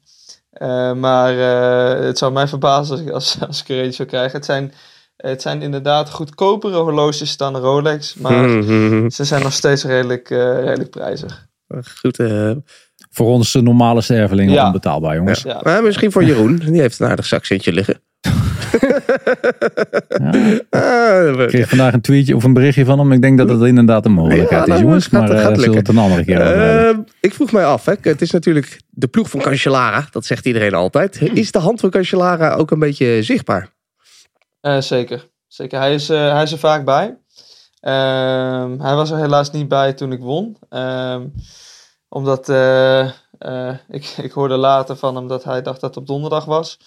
En het was op woensdag. Eh, Hm. dus, eh, dus hij had hem verkeerd ingepland. Dus hij kwam uiteindelijk donderdag kwam hij nog naar het hotel toe voordat wij gingen vliegen. Om ons nog even gedag te zeggen, want hij was er erg trots. Eh, maar bijvoorbeeld in de UAE Tour is hij er een paar dagen bij geweest. Eh, en dan, dan is hij bijvoorbeeld ook bij de ploegentijd is hij erbij, zit hij in de auto. eh, eh, ja, is hij veel eh, met renners in gesprek ehm, over hoe, hoe, hoe- we het moeten gaan doen. Hij geeft ons tips. ehm, Eh, het is niet dat hij zich te veel opdringt richting de ploegleiding, maar hij zegt op de juiste momenten zegt hij iets. Ja. Ehm, en het is wel mooi om te zien dat hij zo betrokken is bij de ploeg. Ja. En wat staat er nu voor jou nog op het programma de komende tijd? En is daar nog wat in veranderd sinds deze overwinning? Ehm, nee, er is nog niks in veranderd. Op dit moment, eh, ik zal eh, zondag eh, in Tourangel starten, en de 1.1 in Frankrijk. Daarna de Loire Tour. Dat was eerst circuit de Sarthe. Ehm, en dan zal ik eventjes een periode hebben waarin ik meer ga trainen. en dan werken richting, richting mei, juni. Nou, mocht je... Als- Ja, ga je gang. Ja, als, ik jou, als ik jouw programma hoor, ben je dan niet jaloers op je partner? Die dan aankomende week de Brugge de Pannen rijdt en Gent-Wevelgem. Heel jaloers. Hmm. Ongelooflijk jaloers. Nee, ja, ik vind het super mooi dat zij dat allemaal mag rijden. Eh, ze, ze maakt er wel eens grapjes over dat als wij later misschien kinderen krijgen, je weet het niet, maar als we dat zullen krijgen, dan eh, kan zij zeggen dat ze al eh, drie keer eh, de Ronde van Vlaanderen heeft gereden. Eh, dit jaar misschien de vierde keer. En eh, dat heb ik dus nog niet, niet één keer gedaan. En eh, ja, ze rijdt hele mooie grote koersen. Ehm, maar ik, ik rij, nogmaals, ik rij liever de, op dit moment iets kleinere koersen, maar dat ik mee kan doen voor de overwinning. Nou, laat, ik zou zeggen, ga daar ook eh, vooral voor. Mocht je in de tussentijd eh, motivatie nodig hebben hè, tijdens het trainen, dan kan je altijd even, kan hem je later nog opsturen, maar kan je altijd even terugluisteren naar Jeroen natuurlijk. Met, eh, Gaat hij hier winnen, de Klein? Jawel, Gaviria komt er nog door. Gaviria gaat hij te kort afsluiten voor Gaviria. Het is de Klein die hem pakt. Ho, ho, ho. Oeh, Arvid de Klein voor Tudor Pro Cycling. dan kan je gewoon een hele avond op repeat zetten en dan moet het helemaal goed komen. Ja. Heb je ook de Italiaanse versie versie voor nee, nee, eigenlijk niet. Die zou, Die even, had je eerder moeten zeggen. Die kan ik nog eventjes opzoeken. Dan kan ik ook- Even een compilatie maken van al die verschillende talen. Ja, ja, dat zou goed kunnen. Eh, Arvid, heel erg bedankt voor je tijd. Heel veel succes de Dank komende tijd. En eh, heel veel eh, succes. En eh, nogmaals gefeliciteerd met deze mooie overwinning.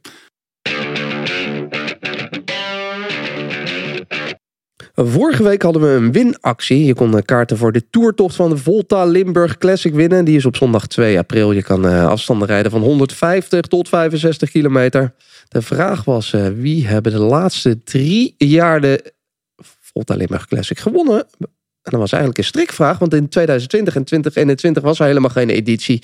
En vorig jaar won Arnaud Delis. Nou, veel mensen zijn er niet ingestonken in mijn veel te makkelijke strikvraag. We hadden veel goede inzendingen en de winnaar was, je krijgt een applausje, Pieter Jan van Tienen. Van harte gefeliciteerd. Jij krijgt eh, dus twee kaarten voor de Volta Limburg Classic Tourtocht op zondag eh, 2 april. Is er nog een editie voor jou, eh, Jeroen, om eh, af te strepen? Jij wil ze allemaal afvinken?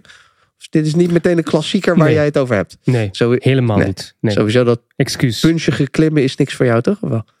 Eh, dat kan, maar ik ga er niet op eh, in specialiseren. Oké, dan. Nee, dus. Nee, nou dan eh, iets heel anders. Maar daar gaan we het zo meteen misschien nog over hebben. We gaan voorbeschouwen. De ronde van Catalonië is op maandag begonnen, is tot zondag te zien. Ik kan er natuurlijk alles over vertellen. Jullie kunnen er van alles over vertellen. Maar ik ken iemand die er nog veel beter kan vertellen waarom je daar eigenlijk naar moet gaan kijken. Dag Jan, Jeroen, Sander en Bobby. Ja, en al het geweld, al het eh, monumentale geweld van de klassiekers, die zijn losgebarsten. Met afgelopen weekend natuurlijk ook Milaan San Remo. Komende week gaat het hele circus verder in België. Is er ondertussen ook gewoon de voorbereidingskoers op de Giro voor de twee grote mannen die we daar verwachten. Evenepoel en Roglic. In eh, de Ronde van Catalonië. Die eh, op maandag begonnen is. De hele week duurt tot en met zondag. En dat is toch wel een eh, ronde om eh, naar uit te kijken. Een wedstrijd waar het eigenlijk altijd heel veel klimmen geblazen is. Sowieso een koers voor de klimmers. Geen tijdrit in eh, de route opgenomen. En dit jaar heeft de organisatie er nog een aankomstberg op bij gedaan. Dus als je inschakelt, kijk dan zeker bijvoorbeeld op dinsdag de eerste aankomstberg op. Maar op vrijdag hebben we de aankomst in Loport. Dat is een eh, hele lastige finale. 10 kilometer en 9 procent. En ja, daar gaan we dus zien Evenepoel en Roglic. Wie staat er tot nu toe het best voor?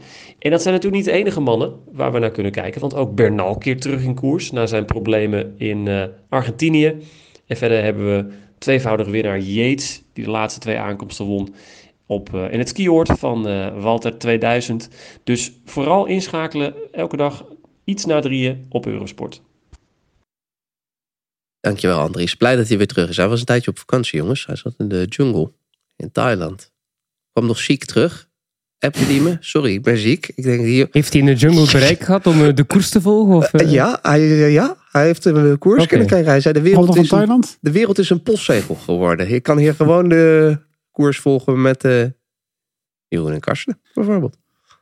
Het is ongelooflijk. Hij is gelukkig terug. Hij is weer beter en hij doet de ronde van Catalonië.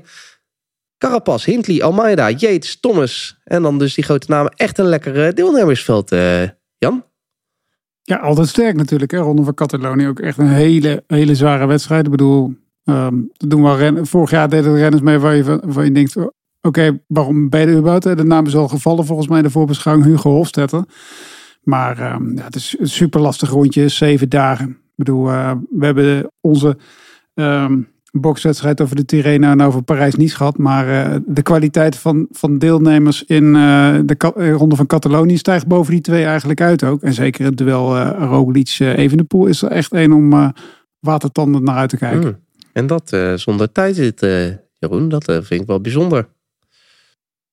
Ja, maar ook is goed, hè? Een eh rittenkoers zonder tijdrit. Dan gaat het echt puur om ja, de eindsprint voor de bonies en het klimwerk. En als je, Moet van, eh, van soorten zijn, hè? traditioneel in Catalonië. als je kijkt naar het klimwerk, wie schat je op het moment eh, beter in van die twee? Ik wist dat je die vraag zou stellen natuurlijk, als er geen tijdrit in zit. Ik vind dat een hele moeilijk om dat nu op eh, de man af te gaan zeggen, want ze hebben dit jaar nog niet samen gekoerst.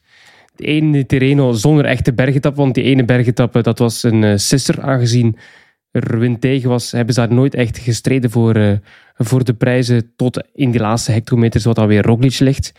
Goh, ik kan dat echt heel moeilijk inschatten wie de beste klimmer is. Ik denk Evenepoel. Ehm, maar goed, hij, ja, Roglic is de beste ter wereld. Misschien wel in die korte, venijnige sprint na lastige etappe. Maar eh, als het gaat om echte bergetappes, dan denk ik dat de Evenepoel ja, zeker de evenknie is. Minstens. Ja. Maar ja, het kan niet. Ja, dat, is, dat is een voorspelling, maar het kan even goed de andere kant uitdraaien. Hoeveel journalisten Eh, zijn er eigenlijk eh, naar Catalonië afgereisd? Hoeveel wat? Hoeveel Belgische journalisten zijn er naar de Ronde van Catalonië afgereisd? Ja, ik denk eh, alle nieuwsmedia en ook alle, of alle kranten en alle te- televisiestations. Ja. Dus volgende week kunnen we wat is aan de hand in de Vlaamse krant doen. Vanaf morgen kunnen we dat doen eigenlijk. Ja, maar we zijn er niet iedere dag natuurlijk. hè. Oh, oh, jammer. Hmm, helaas. Hm. Nou, ik heb- bewaar hem voor volgende week. Help maandag begonnen we namelijk al met de ronde van Catalonië. En daar eh, won Roglic vlak voor Evenepoel. En wie werd daar derde best of the rest? Ide Schelling. En hij vertelt aan ons hoe dat gegaan is. Het was een eh, vlot dagje vandaag wel, met eh, nodige klimmetertjes ook nog. Maar gelukkig kende ik de weg super goed. Ik ben een beetje half woonachtig in Girona sinds anderhalf jaar. Dus eh, de wegen waren zeker niet onbekend voor mij, wat hielp.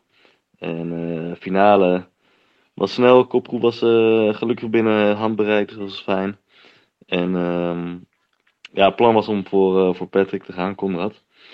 En ja, ik had me gewoon zelf ook voorgesteld, als dat plan is van de ploeg, dan ga ik me daar ook gewoon eh, 100% bij neerleggen. En gewoon proberen om zo goed mogelijk te helpen. Dus ik was eigenlijk vanaf kilometer 12 was ik al bezig eh, met de ploeg eh, positioneren. En eh, ja, eigenlijk al iets te veel aan het doen voordat de echte sprint eraan kwam. Maar op zich was het de jongens van voren houden zonder al te veel energie te verspillen. Altijd een beetje half in de wind, niet helemaal.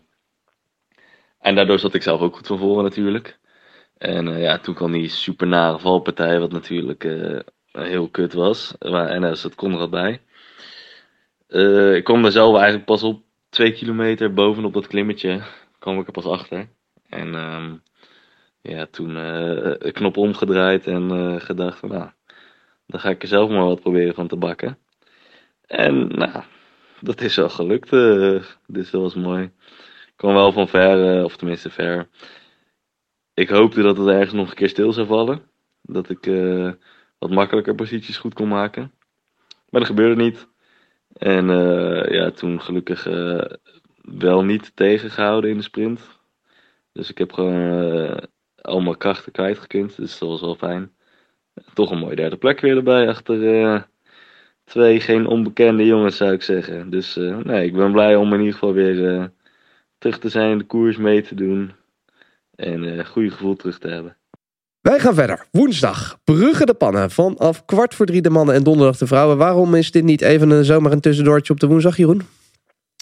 Omdat het woensdag, Sander, in Vlaanderen bar slecht weer gaat zijn. Oh. Veel regen, veel wind vooral, passage in de moeren, verschillende keren en open stukken.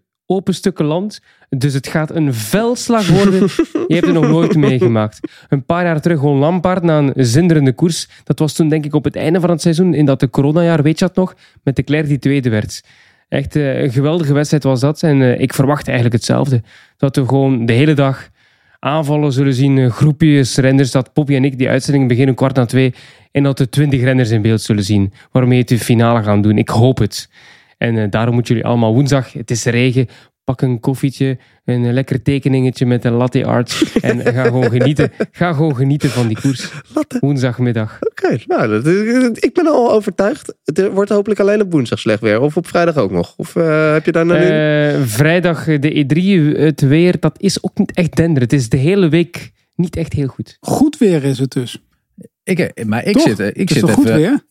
Ja, gebruik jij Jansen weer app dan? Want eh, ik weet Oh, niet. ik heb een andere app. Woensdag is gewoon slecht bij ons hoor. Ja, ik Maar is heb, toch goed eh, weer dan? Ik heb Voor de koers? 3,8 mm regen met 35 eh, procent, maar wel inderdaad zuidwest 4. En dat gaat tussen de 8 en de, eh, en de 13 graden. Terwijl als ik dan naar vrijdag kijk, vrijdag is natuurlijk nog een veel mooiere wedstrijd, dan geven ze 85, 5, ja, 85 procent kans op regen. Zes en een dubbele aantal neerslag. Oeh. Maar En kijk je in. Vlaanderen of kijk je echt ook eh, gebiedgewijs? Ja, Oudenaarde. Oudenaarde en de pannen. Dus de pannen voor eh, woensdag en Oudenaarde voor, eh, voor de vrijdag. Hondenweer. Hondenweer in België op vrijdag is dus de E3 Saxobank Classic. Bobby, kan je wat mij iets meer vertellen over het parcours? Ja, weet je, over, als we over de E3-prijs praten, ook al moet ik daar dan Saxo Bank Classic nog achter zeggen, maar dan, eh, dan hebben we het gewoon over de mini-ronde van Vlaanderen. En het is natuurlijk Harelbeke, Harebeke, maar eh, we hebben gewoon eh, dezelfde hoeveelheid klimmetjes, kasseitjes in 60 kilometer minder ge- gepropt. Ja, en dan, eh, dan, weet je, dan hoef ik toch meer niet te vertellen over het parcours. toch? Nee, dat is wel voldoende. En ik ga de vraag vragen, maar ik weet het antwoord toch wel. Maar er zullen misschien luisteraars zijn die het niet weten, Jeroen. Dus maak hen even blij, want naar wie kunnen we allemaal wel niet uitkijken op vrijdag? Ja, eerst en vooral, eh, Sander, het parcours. Het is jammer dat je het vandaag vraagt. Ik ga morgen de verkenning doen. Echt waar? Met de fiets. Ja, Oh. Het gaat zelfs regenen, maar kijk, ik ben in eh, Vlaanderen. ik ga morgen 110 kilometer fietsen. Door eh, 1500 hoogtemeters. Dus dat wordt afzien morgen. Eh, dus ik ga eigenlijk morgen pas kunnen zeggen hoe het, eh, hoe het voelt om die E3 te fietsen. Maar ik weet nu al dat het voor mij te lastig is. Maar goed, Eh, met de omgekeerde Quaremont Pater altijd leuk. Oh. Ja, dat kan eigenlijk in mijn, mijn hoofd kan dat niet. Dat je eerst de Paterberg doet en dan de Quaremont. Maar goed, zo is Je het zal wel je in, er doorheen moeten slaan, E3. Jeroen. Ja, ja, ja, ja. ja. Dus wat ja, ja, de drie, hè? De drie zijn er weer, hè? Van der Poel, Van Aert, Pogacar. Dus ja, dat, ja, eigenlijk moet je alleen maar dat zeggen. En als je dat niet kijkt, ja, dan hou je niet van koers. Dat is... eh, Van Aert, Van der Poel, Pogacar op de Quaremont, op, op de Quaremont, op de Pater. Ja, als je dat niet wil zien, dan heb je in deze sport weinig te Er zijn maar twee eh, mogelijkheden. Of je neemt vrijdag vrij, of je zet op vrijdag je telefoon uit totdat je s'avonds uh, thuis komt. Of je gaat om vijf uur de wekker zetten, je begint vroeger te werken en je bent vroeger gedaan. Dat is ook nog een hele goede optie. Ja. Of je gaat naar Vlaanderen toe. Kan ook. Nou, dat is leuk. Eh, bedankt voor dit bruggetje. Want wie gaat er op vrijdag naar Vlaanderen? Sander Valentijn. Want die rijdt op zaterdag Gent-Wevelgem. Hoewel de echte kleppers hem natuurlijk op zondag rijden. Zondag is het 1 uur de mannen en kwart over vier de vrouwen. Blijkbaar dus niet. Maar de echte, echte kleppers, die rijden hem inderdaad op zaterdag. Dan is het slecht weer. Eh, ja.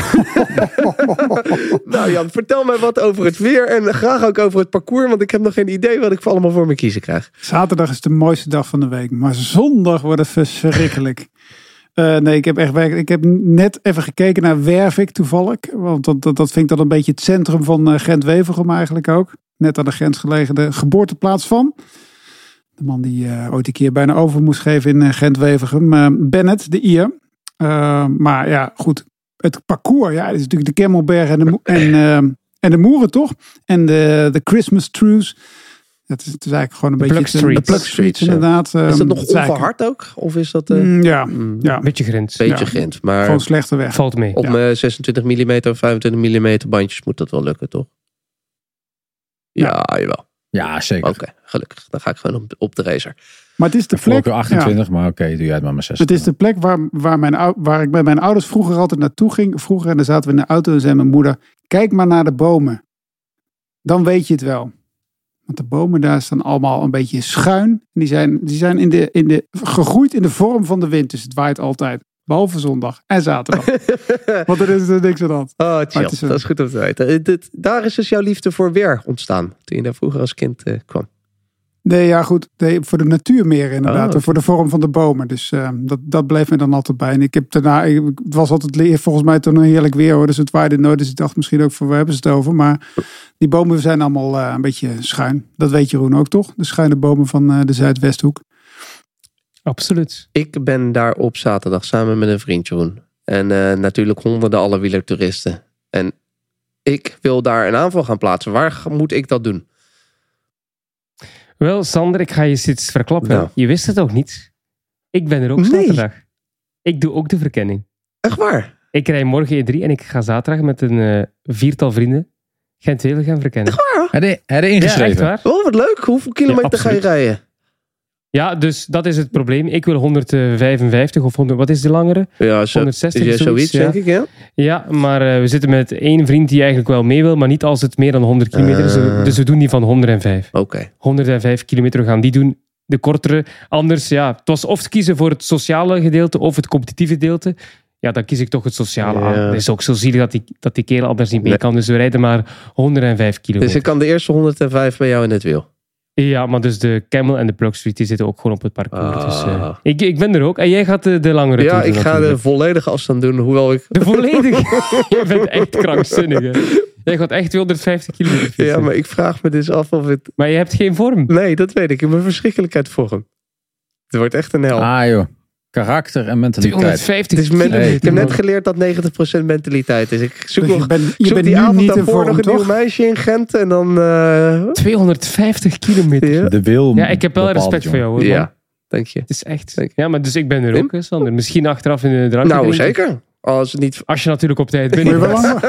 wel lang, moet één iemand heel lang Ik moet wachten. wel dan. heel even wachten tot ik binnen ben. Oh, Ja. dat wordt leuk. Ja, we gaan in ieder geval elkaar eventjes eh, zien daar. Als we het voor en na tijdens de start eh, bij de eerste Ja. stop. Dat gaat leuk. Ehm, genoeg gekheid op een stokje. Waar denk je dat de echte kleppers aanvallen? Eh, aanvallen, het is eerder een slijtageslag. Het is eerder afvallingskoers achterin dan echt demareren. De laatste keer Camel, dat is de stijlste kant. Daar wordt vaak dan een groepje van 20 afgescheiden van de rest van het peloton. En dan is de vraag, keren ze terug of keren ze niet terug? Altijd hetzelfde een beetje, naar eh, Wevelgem toe. Met ook nog eens de passage in Yper in de laatste ja, 25 kilometer in de Menenpoort, waar ze ook gestart zijn. En dat is eigenlijk een beetje de vraag, komen ze nog terug vanuit de achtergrond richting, eh, richting de toppers die wegrijden op eh, de, tweede, of de tweede keer of de derde keer eh, Camel. En vorig jaar was dat niet het geval. En toen won die geweldige Girmay. En dit jaar, jammer genoeg, geen Van der Poel, maar wel Van Aert. En dus ja, Van Aert gaat sowieso de koers met de ploeg hard maken. En dan is de vraag, wordt er nog wat eh, extra renners verwacht nadien? Of is het eh, tussen de favorieten van die dag? Van Aert, Kimai bij de mannen. Wie zijn er bij de vrouwen allemaal eh, present, Bobby? Ehm, nou ja, eigenlijk alle toppers hè, voor deze wedstrijd met eh, Lorena Wiebes, natuurlijk Kopecky, eh Balsamo, eh Serien van Androoy. Daar ben ik ook benieuwd naar. En zeker gezien de weersomstandigheden, hoe dat eh, gaat eh, staan. Want ja, we hadden het net over de weersomstandigheden. Woensdag slecht. In mijn weer-app, maar misschien is mijn weer-app vele malen beter dan die van jullie. Maar daar geven ze die dag 3,4 mm neerslag. Op vrijdag het dubbele, 6,8. Maar op zondag dan het dubbele van de vrijdag. 12 mm, Mm. neer, 12 mm neerslag. Wel iets minder wind. Windkracht 3 ten opzichte van 4 op die andere dagen. Maar dat, eh daar kan ook bij de vrouwen voor, eh, voor een eh, serieus slagveld zorgen. Ik vind het allemaal prima als op zondag het zonnetje maar schijnt. 15 graden. Klein, Zaterdag. sorry. Klein briesje. Zaterdag Ja, zaterdag. Bijna zaterdag een topdag. Dat is de beste dag. ik zie je. Ik krijg, ik krijg andere apps hoor. Ik zal niet. Er is, er is echt nu net iemand in onze vriendengroep die mee, die mee gaat fietsen. Die stuurt oh, we kunnen nog wachten met betalen, want het is precies toch niet zo goed weer zaterdag. Oh, ja. Is dit die jongen Dus die het is 105 echt- het is kilometer wil rijden? Of, eh? Ja, dat is, nee, het is, ja, inderdaad. Ja, ja, inderdaad ja. ja. Misschien moet je die eh, eh, lossen ergens. Ja, misschien wel. Ja. Het is zaterdag, is het, eh, is het eh, bij mijn weerapp in ieder geval 71% kans op regen. Maar Ja. dat zegt natuurlijk helemaal niks. Dat kan Hoezo? één, één uur s'nachts, kan er, één, kan, er, kan, kan er regen vallen. ja, maar Dan ik is heb de een kans, app met echt per uur. Oh, Oké. We, zijn- we, we begonnen deze ja. uitzending als een eh hardlooppodcast. We eindigen als een eh weerpodcast. Maar er zijn ongetwijfeld heel veel mensen die nu luisteren en die ook die toertocht afwerken. Want Gent-Wevelgem is wel een, echt een hele mooie koers om te doen. Die plugstreets, ja, dat is, dat is vooral voor de historie, Sander. Mhm. Je gaat er ook opkomen en denken van, is dit het? Want het, is- het, ik heb het al twee of drie keer gedaan. Het stelt eigenlijk ook niet zoveel voor. Mhm. Maar het is wel, die historie natuurlijk Ja, erachter, ja, ja. die is wel eh, veel belangrijker. Want de Camel is eh, heel leuk, hè? Een leuk, een leuk stukje waar ik nog niet zo vaak gefietst heb. Dus eh, ik kijk ernaar uit. Dat is op zaterdag. Volgende week krijg je een uitgebreid verslag natuurlijk van eh, mijn eh, honderden kilometers en die 105 van Jeroen van Bellegem. Ik doe er morgen ook 110 en dus samen 215. dat is eh, dus, een ja, goed ja. weekje, zeker weten. Ja. En eh, dan gaan we het zeker ook hebben over eh, wat er eh, echt in Gent-Wevelgem op zondag gebeurde. Wat daar voor de rest in de Ronde van Catalonië gebeurde, die dus elke dag te zien is om kwart over drie en op zondag om kwart over twaalf over de Brugge de Pannen. Op de woensdag en de donderdag kwart voor drie. Vrijdag de E3 Saxo Bank Classic. Kwart over twee en zondag Gent-Wevelgem. Ik zei het al. 1 uur de mannen, kwart over vier de vrouwen.